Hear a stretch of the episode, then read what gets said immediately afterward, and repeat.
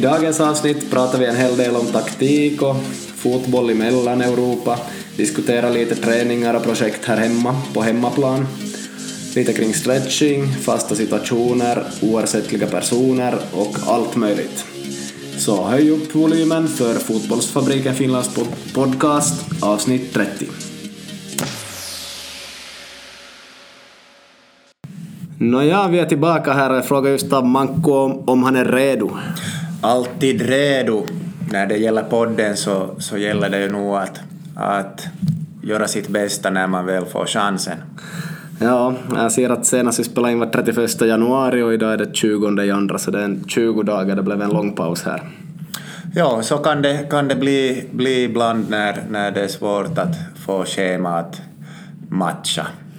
Ja, du har haft mycket och jag har inte haft så mycket men just då du skulle haft tid så hade jag inte riktigt tid eller då kom det en dubbelbokning så någonstans måste man prioritera jobb och podd i andra hand men nu är vi här.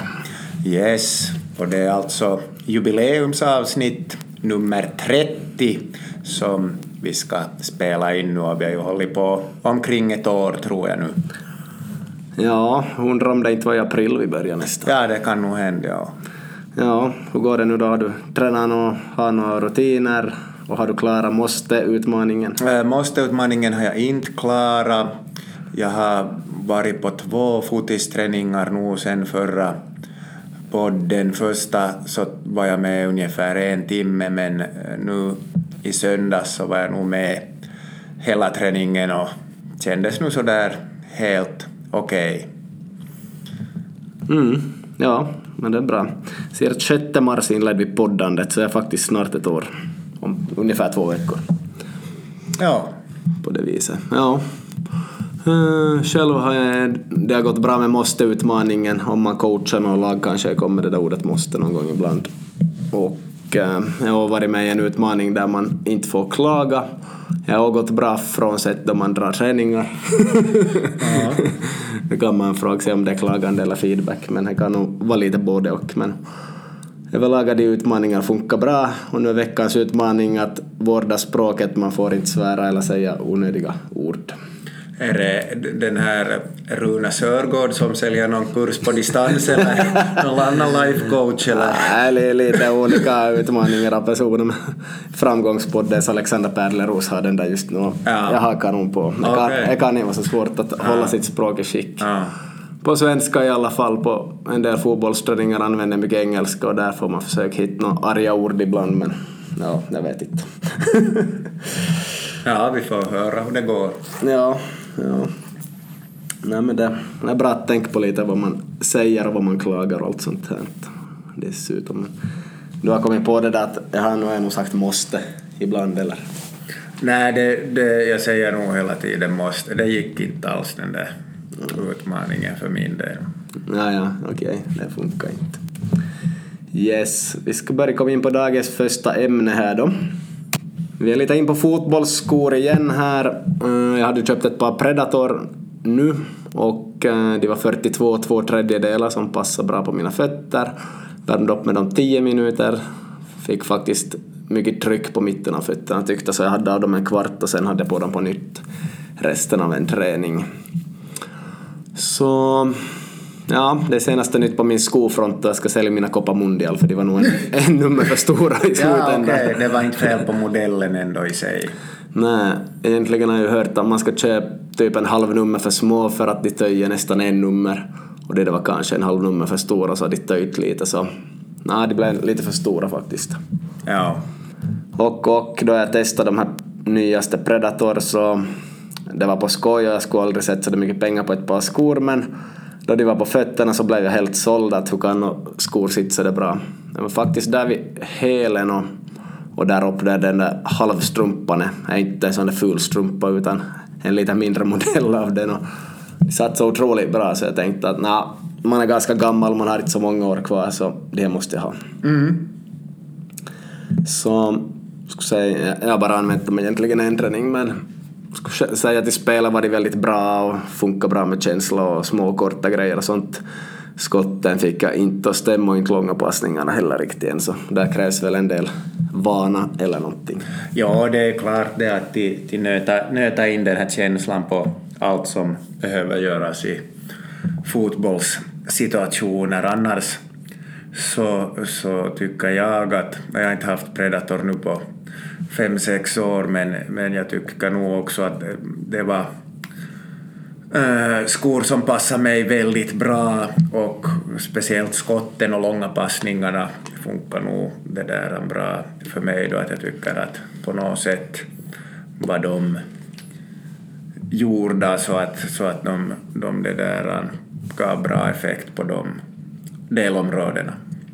Ja, kör du med fjolårets skor eller har du några ännu äldre som du... Nu, nu har jag kanske om det är fjolårets... Äh, ja, jag tror jag fick dem... Äh, det är Nike Tiempo som jag fått av, av eh, sponsor som jag det där har, så de är väl ungefär ja, 15 månader gamla kanske, så börjar nog ha sitt sina bästa dagar, men fungerar. Mm, ja, nu är nog bäst de här innötta. Bara att, ja, det är nog ett sönder många skor nu. Tycker de håller en säsong ungefär. Förr tycker jag de skulle hålla lite längre. Så man hade kanske ett nytt par med de där gamla som reserv, men är nog lite si och så tycker jag med nutidens skor. Men hur som helst, de här nya ska bli kul att fortsätta träna med. Och på tal om att träna så löste ju att träna nu för Regions Cup här i Österbotten börjar snart. Hur är det, Kungliga var inte med eller?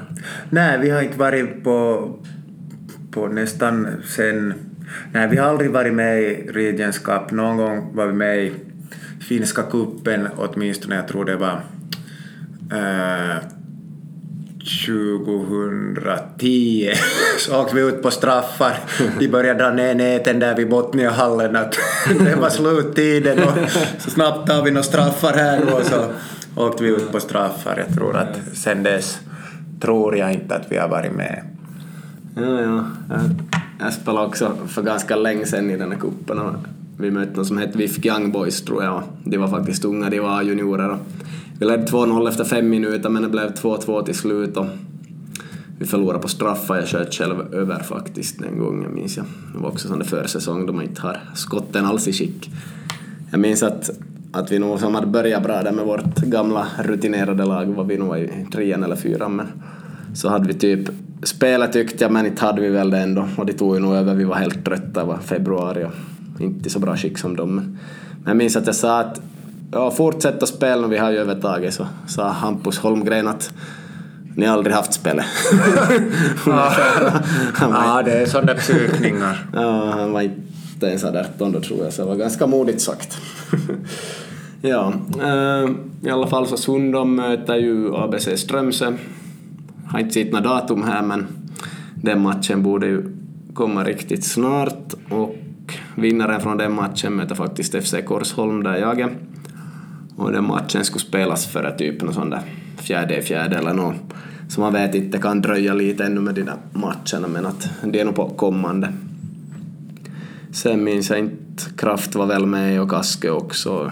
De skulle nog möta någon hit och dit men vi var i alla fall lottade till andra omgången direkt så vissa spelar första omgången och vissa är direkt i andra.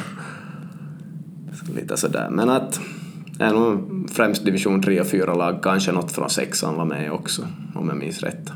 Ja, det är ju intressant turnering det här. Sundom gick ju ganska långt och Kraft också förra året och Kisto var ju till och med och vann den här turneringen för en fyra, fem år sedan och fick ju då all expenses paid på var den nu sen var den här slutturneringen någonstans i Mellaneuropa så att, så att det är nog en, en intressant turnering. Ja, 5000 euro fick de väl i prispengar ja. kanske. Ja. Det är väl så pass mycket till och med, tror jag. Ja. Uh, äh, annars i Vasa-fotbollen så har ju VPS och Vasa IFK gjort ett historiskt samarbete nu då. Men det är väl typ från B-juniorer upp till representationslagen. Så jag antar att i verkligheten är det kanske att division 1-laget och från VPS och division 2-laget från IFK kan samarbeta med spelare lite i år om det kommer mycket skador men annars har jag väl inte förstått att det ska ske så mycket kanske i år ännu.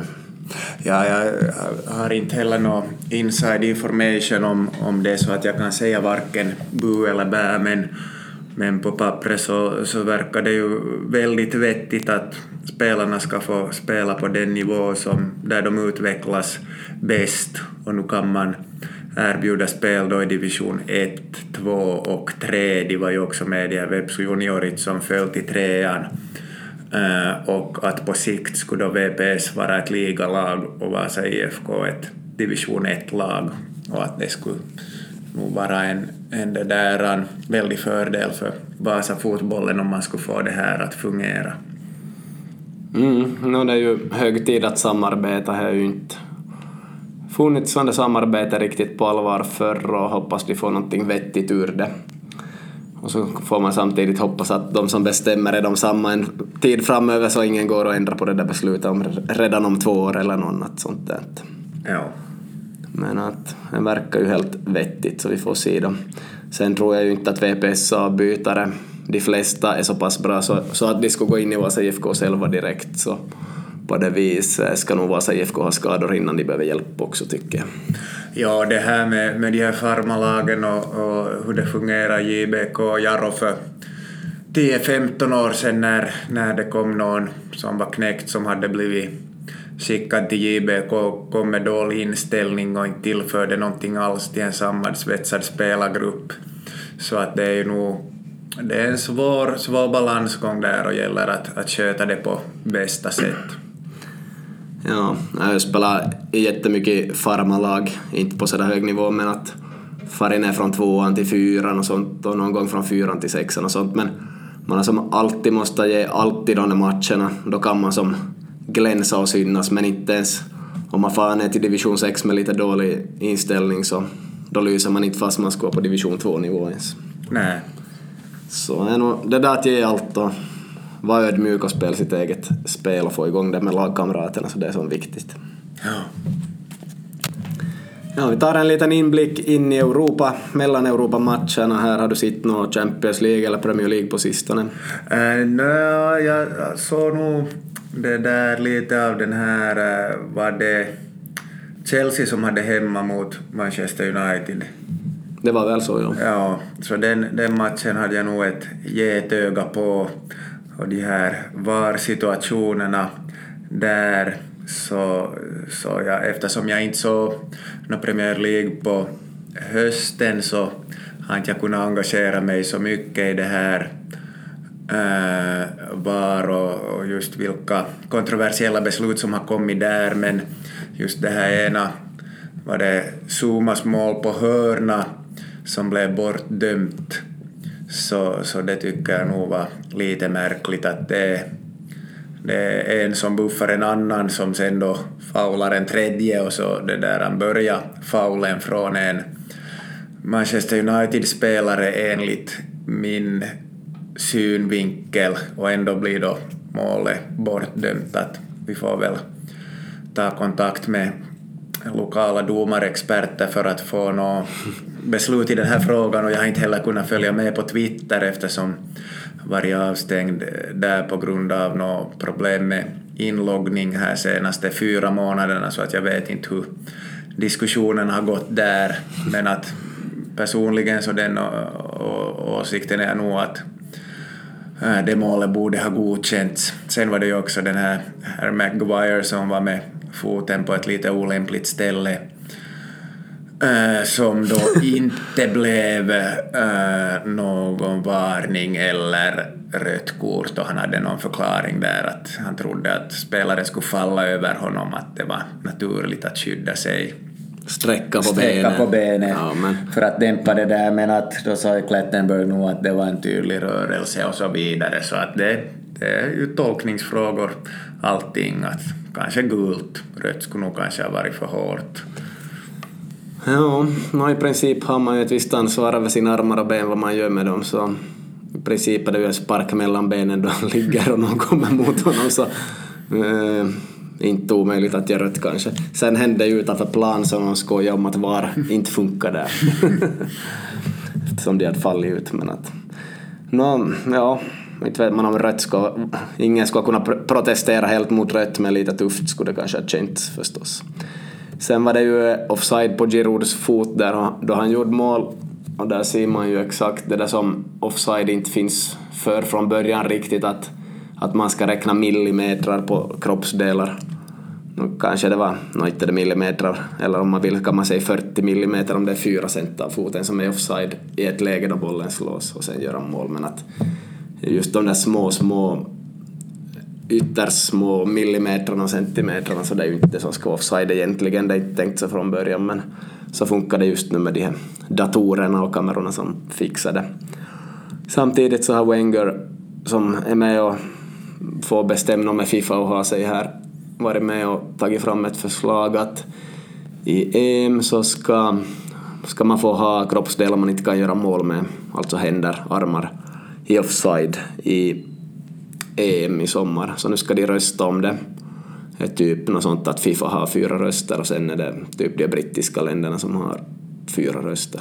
Typ England, Irland och två till om jag minns rätt. Så, så det ska de rösta om. Förr fick man nog ha kroppsdelar som man inte kan göra mål med i offside om jag minns rätt. Men... Ja, det är väl så ännu?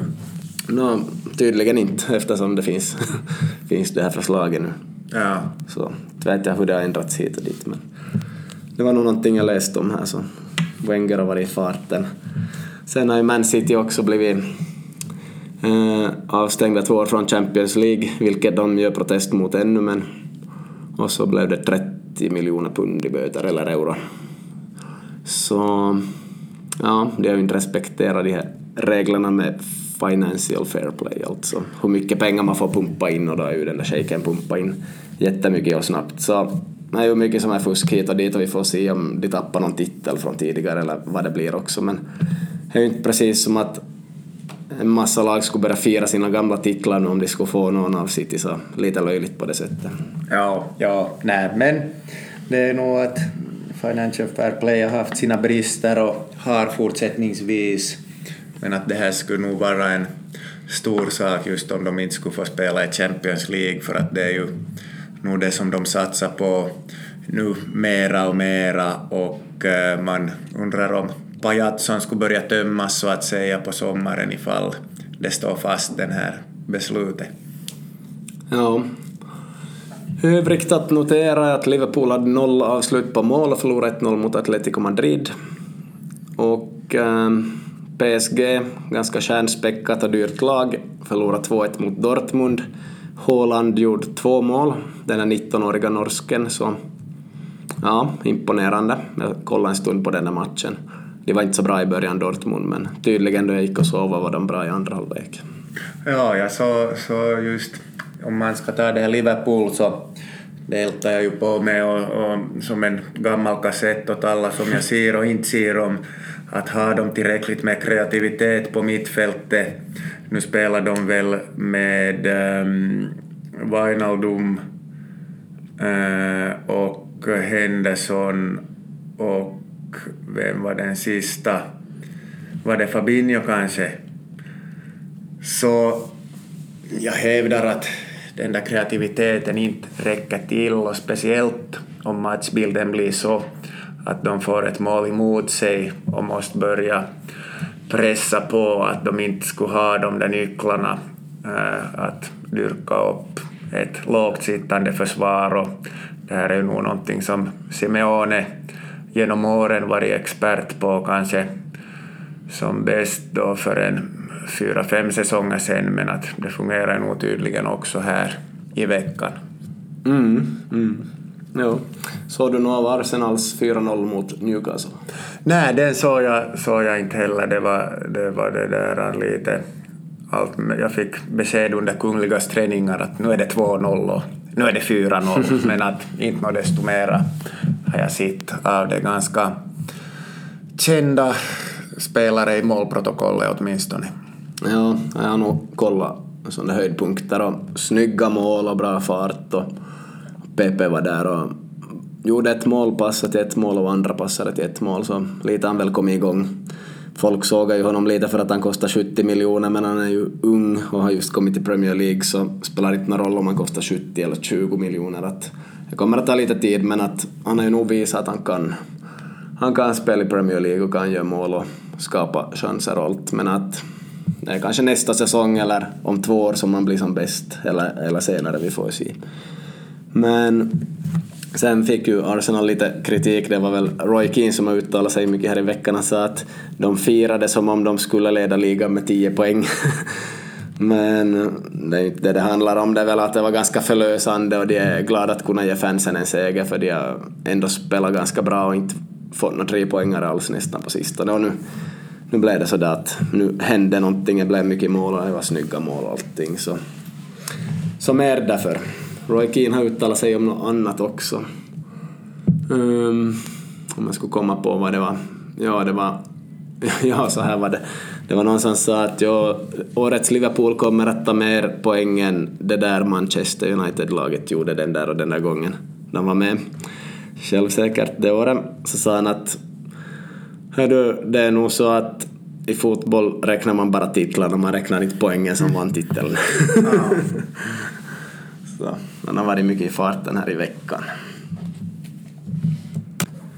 Ja, förutom mitt eget lag så jobbar jag med lite projektlag emellanåt. Någon tar kontakt till företaget och vill ha hjälp med något. Vi har egentligen inte startat upp den biten av företaget än. Hemsidan blir klar om, om några månader.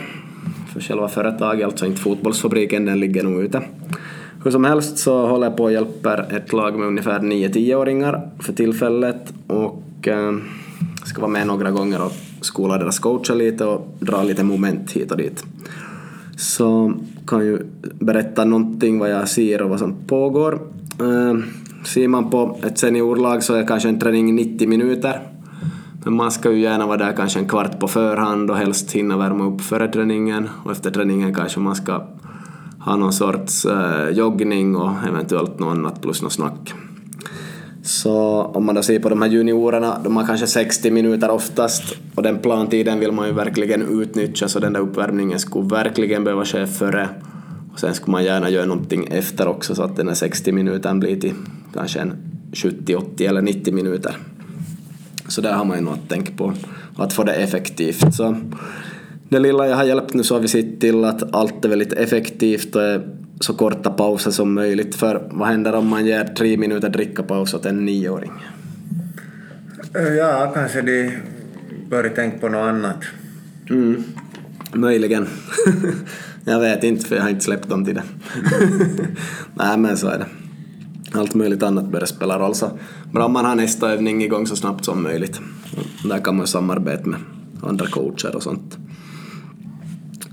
Sen finns det äh, tusen frågor att diskutera, man kommer inte ett nytt lag om man vill men redan en sån här grej som stretching så ja, lite töj och böj fem sekunder per muskel kan man ju göra efter uppvärmningen. Men nog mer det här dynamiska att få rörelser och sparka ut benen och Ja, det var just det jag tänkte kom till, att du, du satt dem till stå där och sen kom du och visade dina sparkar som du visade på föreläsningen då du tänkte sparka omkull de där banderollerna.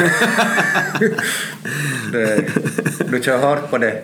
Ja, inte visar så mycket sparkar inte men just att lite dynamiskt nog i själva uppvärmningen och inte så mycket töj och böj, speciellt några långa, det ska man inte göra. Och just efter träningen att man lär sig att sakta nedjoggning och en massa långa stretch, det där hör inte till fotbollen och mer i dagens läge utan det, det är annat man ska göra.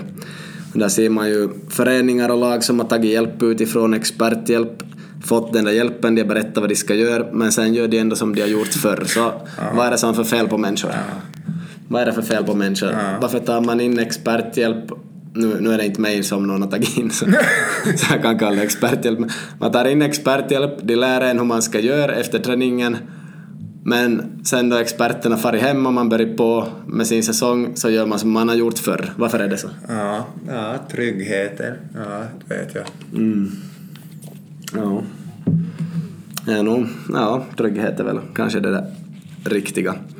Men att vi måste ju tro på experterna och deras deras åsikter och metoder. Och jag brukar testa dem och också testa dem själv och sådär och känns oftast bra. Och, och de metoder jag fått så känns bra på min egen kropp också. Så, så då, och ingen har klagat om mina spelare någonsin på de nya grejer vi har tagit in så ja, det är nog bara att testa nytt och skulle det visa sig vara katastrof så, så kanske man inte gör det då men att man ska inte heller som svenska damlandslaget som börjar äta rödbetor vilket nog ska vara bra för fotispelare men så fick vissa kramp av någon helt annan orsak och så började de skylla på rödbetorna och så slutade de med det. så då tog de bort det från kosten. Så ja, man ska inte misstro all den här nya forskningen heller bara för att någonting skulle gå fel. Skulle jag stiga snett efter jag gjort de här grejerna kan jag ju skylla på dem där men att inte, inte det är ju därför. Måste fundera på vad som är fakta och lita på de som är experter och har forskat mycket inom fysisk träning och så vidare. Um, förutom stretching finns allt möjligt att peka på hit och dit. Om vi tar några små grejer så skulle det kunna vara kanske att eh, fasta situationer funderar ju vissa ganska mycket på då de blir lite äldre, inte nog i nioårsåldern kanske men man måste fundera på hur mycket information kan, kan en spelare ta in, en 13-åring eller en 20-åring eller en 25-åring kan vara ganska samma för 13 och 20-åringen tror jag att hur mycket taktiska funderingar kan man ha? Kan man ha en powerpoint full med exakt vad alla ska göra på varje fasta situation i en match och de ska kunna det från en powerpoint? Vad tycker du om sånt?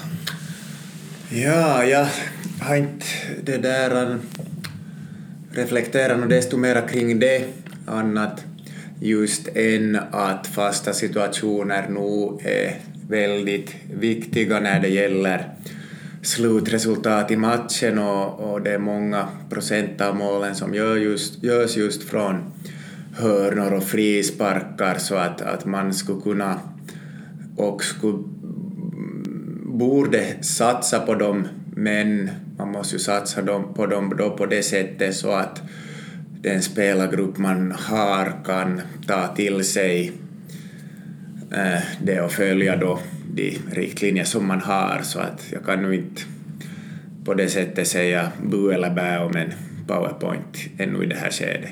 Mm. Du kan bara tänka dig själv att det finns en powerpoint där det visar exakt var du ska stå på varenda fast situation. Säg att ni skulle träna tre, fyra gånger i veckan, vilket ni inte gör men ändå och du skulle inte alltid vara i elvan heller så skulle du orka hålla koll på exakt var din position på plan ska finnas på varenda fasta situation. Ja, no. På en amatörnivå där du träffas tre gånger i veckan. Ja, no, det är länge sedan man har träffats tre gånger i veckan. Uh, ja... Och då står det... Offensiva eller defensiva? Nej, Offensiv, alla, och då står det CB, central back, ja, ja, defender, CB. Ja träffas tre gånger i veckan och du inte är i öppningselvan ja. alltid. Skulle du orka hålla reda på exakt var du ska vara varje gång? Ja, nu ska jag. Mm. Skulle jag nog kunna vara på fel ställe inte. Nej. Mm. Men jag är ju inte heller 13, 20 eller 25 år så... Ja, no, redan... Jag är faktiskt 37 nu ja. Det, nej, och jag blir det i år, det är hemskt. Ja, du fyllde igår. Ja, tack. Ja, grattisen. Ja. yes, det här, no, då man var 13, no, nej, man var 20, spelade i division 2, man spelade inte alltid från start och så vidare. Håll koll på varenda fast situation, var exakt den där platsen ska finnas. Spela kanske ytter ibland, anfallare ibland, då är det olika för de två. Och så ska man vara på ett visst ställe från sidofrispark, från höna, från bla bla bla bla bla. Det blir väldigt mycket håll koll på. Så om man smättar fram en powerpoint åt 13-åringar där de ska ha koll på massor så det blir nog för svårt. Det blir allt för mycket information. Så ser bra ut att ha en massa dokument hit och dit där allting står. Då kan man använda kanske en eller två saker ibland och så kanske det blir någon sorts vana med det men att inte läser in det, sig på det och inte vet sen vad det ska stå heller inte. Hörnor kan man möjligen få, det är väl kanske det vanligaste man tränar på. Möjligen och sidofrisparkar men att det blir nog som fokus, ja, har man så mycket tid så man kan lägga fokus på det där och få dem att minnas det och göra det rätt och ja, jag kan inte tro att den där tiden finns för 13-åringar. Nej, nej, och sen då också att hur, hur mycket ska man då gå individualisera då om det är någon viss spelare som kommer, kommer in som skulle vara bättre på en viss situation och sådär att det är många, många olika variabler som gäller så att nu kan jag, kan jag hålla med att, att man måste, måste använda sig av moget övervägande. Ja, jag skulle säga att till och med på Vasa IFKs division 2-nivå skulle vara ganska tufft att kräva att alla vet exakt vad det ska vara beroende på spelplats och sådär. Så kanske där från VPS division 1 är tidigast tycker jag som man skulle kunna hålla reda på varenda, varenda plats man ska vara på, på varenda fast situation. Jag tror nog folk tänker ganska mycket själva och tränaren ropar en del och sådär men att tidigast där ska man som kanske kunna börja ha tid att läsa in sig och också få öva på varenda fast situation. Sånt. Uh, vi har funderat på det här mellan oss kanske någon gång på inkastcoach. Visst var det Liverpool som hade anlitat en sån? Det var det som åtminstone kom, kom upp i flödet här för några veckor sedan. Mm, ja. Hade väl förbättrat sig och det hade börjat funka bra på något vis. Jag vet inte exakt hur men att det lär ha lönts för dem att ha den där inkastcoachen. Ja, det tror, tror jag nog. Vi har ju i Kungliga har vi nu fått bra specialvapen då vi har haft någon, någon PT och någon hockeyspelare och någon gammal skidare som har tricepsen i skick som mm. får de här inkasten mycket till flyg så att inte har vi haft någon tränare men, men vi har nog blivit mycket effektivare och det är nog som ett anfallsvapen som vi använder oss av som du kan skriva upp i svarta boken inför sommaren. ja, ja, vi har tyvärr ingen som kastar långt i mitt lag vad jag vet. Så långt är en sak som är bra och sen också att det finns inkast över hela planen och olika taktiker med dem och olika grejer man kan göra. Så det är ju intressant. Minns VPS på 90-talet där spelare sprang mot inkastaren så sprang han bort och så kastade de bollen i nedre ryggen eller i rumpan på honom och så fos han bollen åt inkastaren så hade den bollen direkt. Sådana konstiga varianter. Ja, men att det här med fasta situationer blir nog väldigt viktigt sen på elitnivå så jag kan tänka mig att man ger bort dem så att säga åt, åt någon, någon får ansvaret för hönor och inkast och så vidare. Kanske en helt speciell coach utifrån till och med. Ja. Ja, vi tar någonting om hälsa här ännu. Eh, om vi funderar på sömn så många är abiturienter och ska läsa inför långa prov här, eller svåra prov kanske det heter, som är på kommande sen. Och eh, ett tips inför läsningen är såklart att man tar pauser emellanåt men om vi tänker på det här med sömn, både inför ett enskilt prov som man har en gång eller nu studentskrivningarna, så det viktiga är att man sover. Vi kan tänka på en babys som är uppe och lär sig olika saker och så går den och sover och behandlar allt det som har hänt. man kan egentligen tänka samma sak om oss människor att om vi ska lära oss ett pianostycke eller en Eh, språkläxa eller vad som helst så löser du att läsa på den såklart och gärna på kvällen innan man går och sover också. Vi kan tänka att när vi sover så går hjärnan igenom hela dagen, allt vad vi har gjort, bearbetar all den informationen. Så viktigt att sova ordentligt inför ett prov och inför all inlärning egentligen. Så då vi sysslar med inlärning löste att sova ordentligt så eh, vissa sådär pluggar sista kvällen inför ett prov, kanske sover bara fyra timmar och vaknar upp på morgonen och är ganska trötta och går och skriver provet. Bättre skulle vara att läsa lite mindre och sova mer, sova sju till nio timmar den natten och då kommer hjärnan att hinna behandla det som man har läst. Sen hinner man repetera på morgonen säkert och inför det där provet också.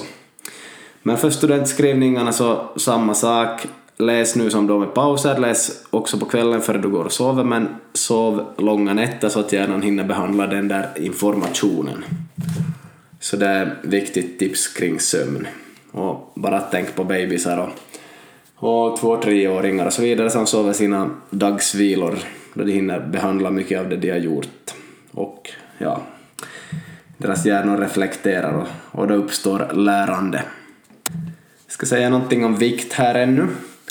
Eh, det gäller att ha sådana låga slutmål som ligger ganska nära. Det är inte så stor skillnad om man har i mål att ja, jag ska gå ner 20 kilo i vikt på ett år. Eller fast det skulle vara 5 kilo på ett år, vilket nog inte är så, så svårt kanske, men hur som helst för en överviktig. No.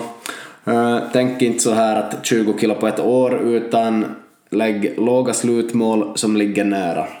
Så till exempel om en månad så ska det vara kanske ett kilo bort eller två kilo bort om man har övervikt eller lite mer.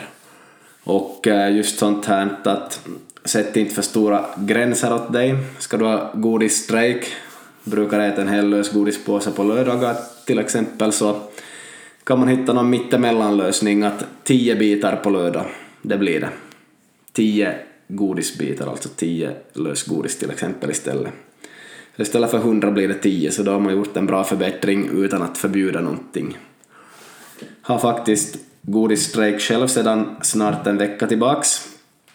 Eh, det brukar gå dåligt, men nu har jag då inte till choklad och inte lösgodis eller något sånt som jag nog brukar äta ganska ofta annars. Eh, däremot har jag ätit bulla och eventuellt något annat. Så inte att jag kommit helt ifrån sockret heller, det, det har jag inte gjort. Efterrätt till lunch på jobbet och sådär har det funnits också. Så inte att jag kommit ifrån sockret helt, men det är ett bra steg att komma ifrån det här godisberoende som nog finns till viss del för mig. Och eh, där kan man då igen tänka att jag inte riktigt förbjudit något, men då jag tänker på godis så tänker jag på de negativa effekter det ger på mig. Eh, att min mage inte är perfekt, liksom måendet och sådär, och kanske blir jag lite dåsig av godis dessutom. Så på det viset har det funkat bra att inte bry mig i godis just nu. Sen borde jag kanske få bort det där att äta bulla eller annat som jag också äter, eller minska på det, så det blir nästa steg där. Här kan man tänka på en rökare som vill sluta röka men som börjar snusa istället. Och eh, snus, snusning är ju bättre än rökning kan man säga, men att då den en gång har slutat röka så bra, nu måste den också sluta snusa. Och vissa börjar med nikotintuggummin eller vanliga tuggummin eller något och överkonsumerar dem så det är alltid någonting som är liksom på gång, någon last, så på något vis borde man få bort det där också sen då, minska ner det så att man helt och hållet slipper som det beroenden. Vi hade också fått in en sån här läsarfråga att varför är vissa idrottare feta och varför är vissa före detta idrottare feta? Nå, i vissa idrotter får man ha övervikt, det är inga problem. Och eh, ja, egentligen i alla kan man väl ha det, men att det beror på hurdan idrottare man är i den idrotten. Men tänker vi på hög nivå så ska man inte vara fet så är de ju nog inte det oftast. Sen är det vissa som idrottar mycket, förbränner mycket, men de äter ännu mer än de förbrukar, så därför går de upp i vikt. Vikt handlar mycket om plus och minus, så det är bara att se att gör man av med 3000 kilokalorier så så kan man ändå inte ta in 3500 för då går man 500 på vinst och då minskar man ju inte precis i vikt utan då går man upp i sakta mak. Så det handlar ju om plus och minus där och många idrottare äter mycket och kanske överkonsumerar. Före detta idrottare äter kanske precis lika mycket som de gjorde då de idrottade, lika stora portioner av all mat och kanske även sött med det ena och det andra så det är ganska många före detta idrottare som går upp i vikt och blir synligt feta. Väldigt vanlig syn, speciellt i Finland.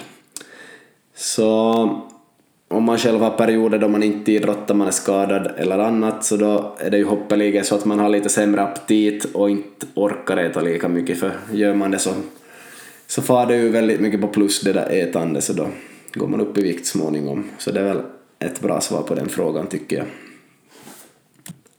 En fråga som jag ombads att svara på ännu här är att vad jag menar med oersättliga personer som jag pratar om ibland då jag föreläser. Nå, där tänker jag på att vissa personer kan vara väldigt viktiga. Till exempel Mosander här i Vasa har varit väldigt viktig för alla oss som studerar fotboll på olika sätt, alla coacher. För Hajen är väldigt viktig för ja, hela världen nästan. Jakob Gudiol är väldigt viktig inom kost i Sverige och Norden. Och just sådana personer som, de är väldigt svåra att ersätta så nu ersätts de och nu går de ur tiden men frågan är ju om det blir lika bra något mer. Så får man ingen bättre istället så då, då tycker jag att man kan kalla dem för oersättliga. Ja, det blev nog jag som pratade på här ganska mycket på slutet. Vi hade nämligen släppt iväg Manko lite tidigare, men han hade ändå en hälsning här. Yes, jag vill önska ett trevligt sportlov åt alla som har möjlighet att fira det. Hur ska du själv spendera vecka nio? Uh, jag ska nog vara hemma och träna mycket och träna andra. Det är nog helt, helt lugnt lov och spara pengar. ja, just det. Och vi far till Isosjötevi med tjocka släkten, så det blir intressant. Mm, perfekt. Kanske det finns snö där också. Ja. Det låter bra. Här hemma finns det typ en cent emellanåt och oftast ingen alls. Ja.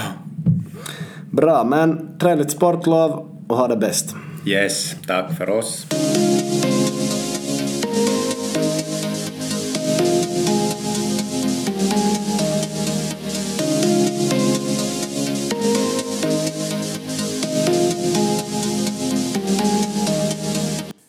Dagens avsnitt gjordes i samarbete med Fotoaj Raksinen i Vasa.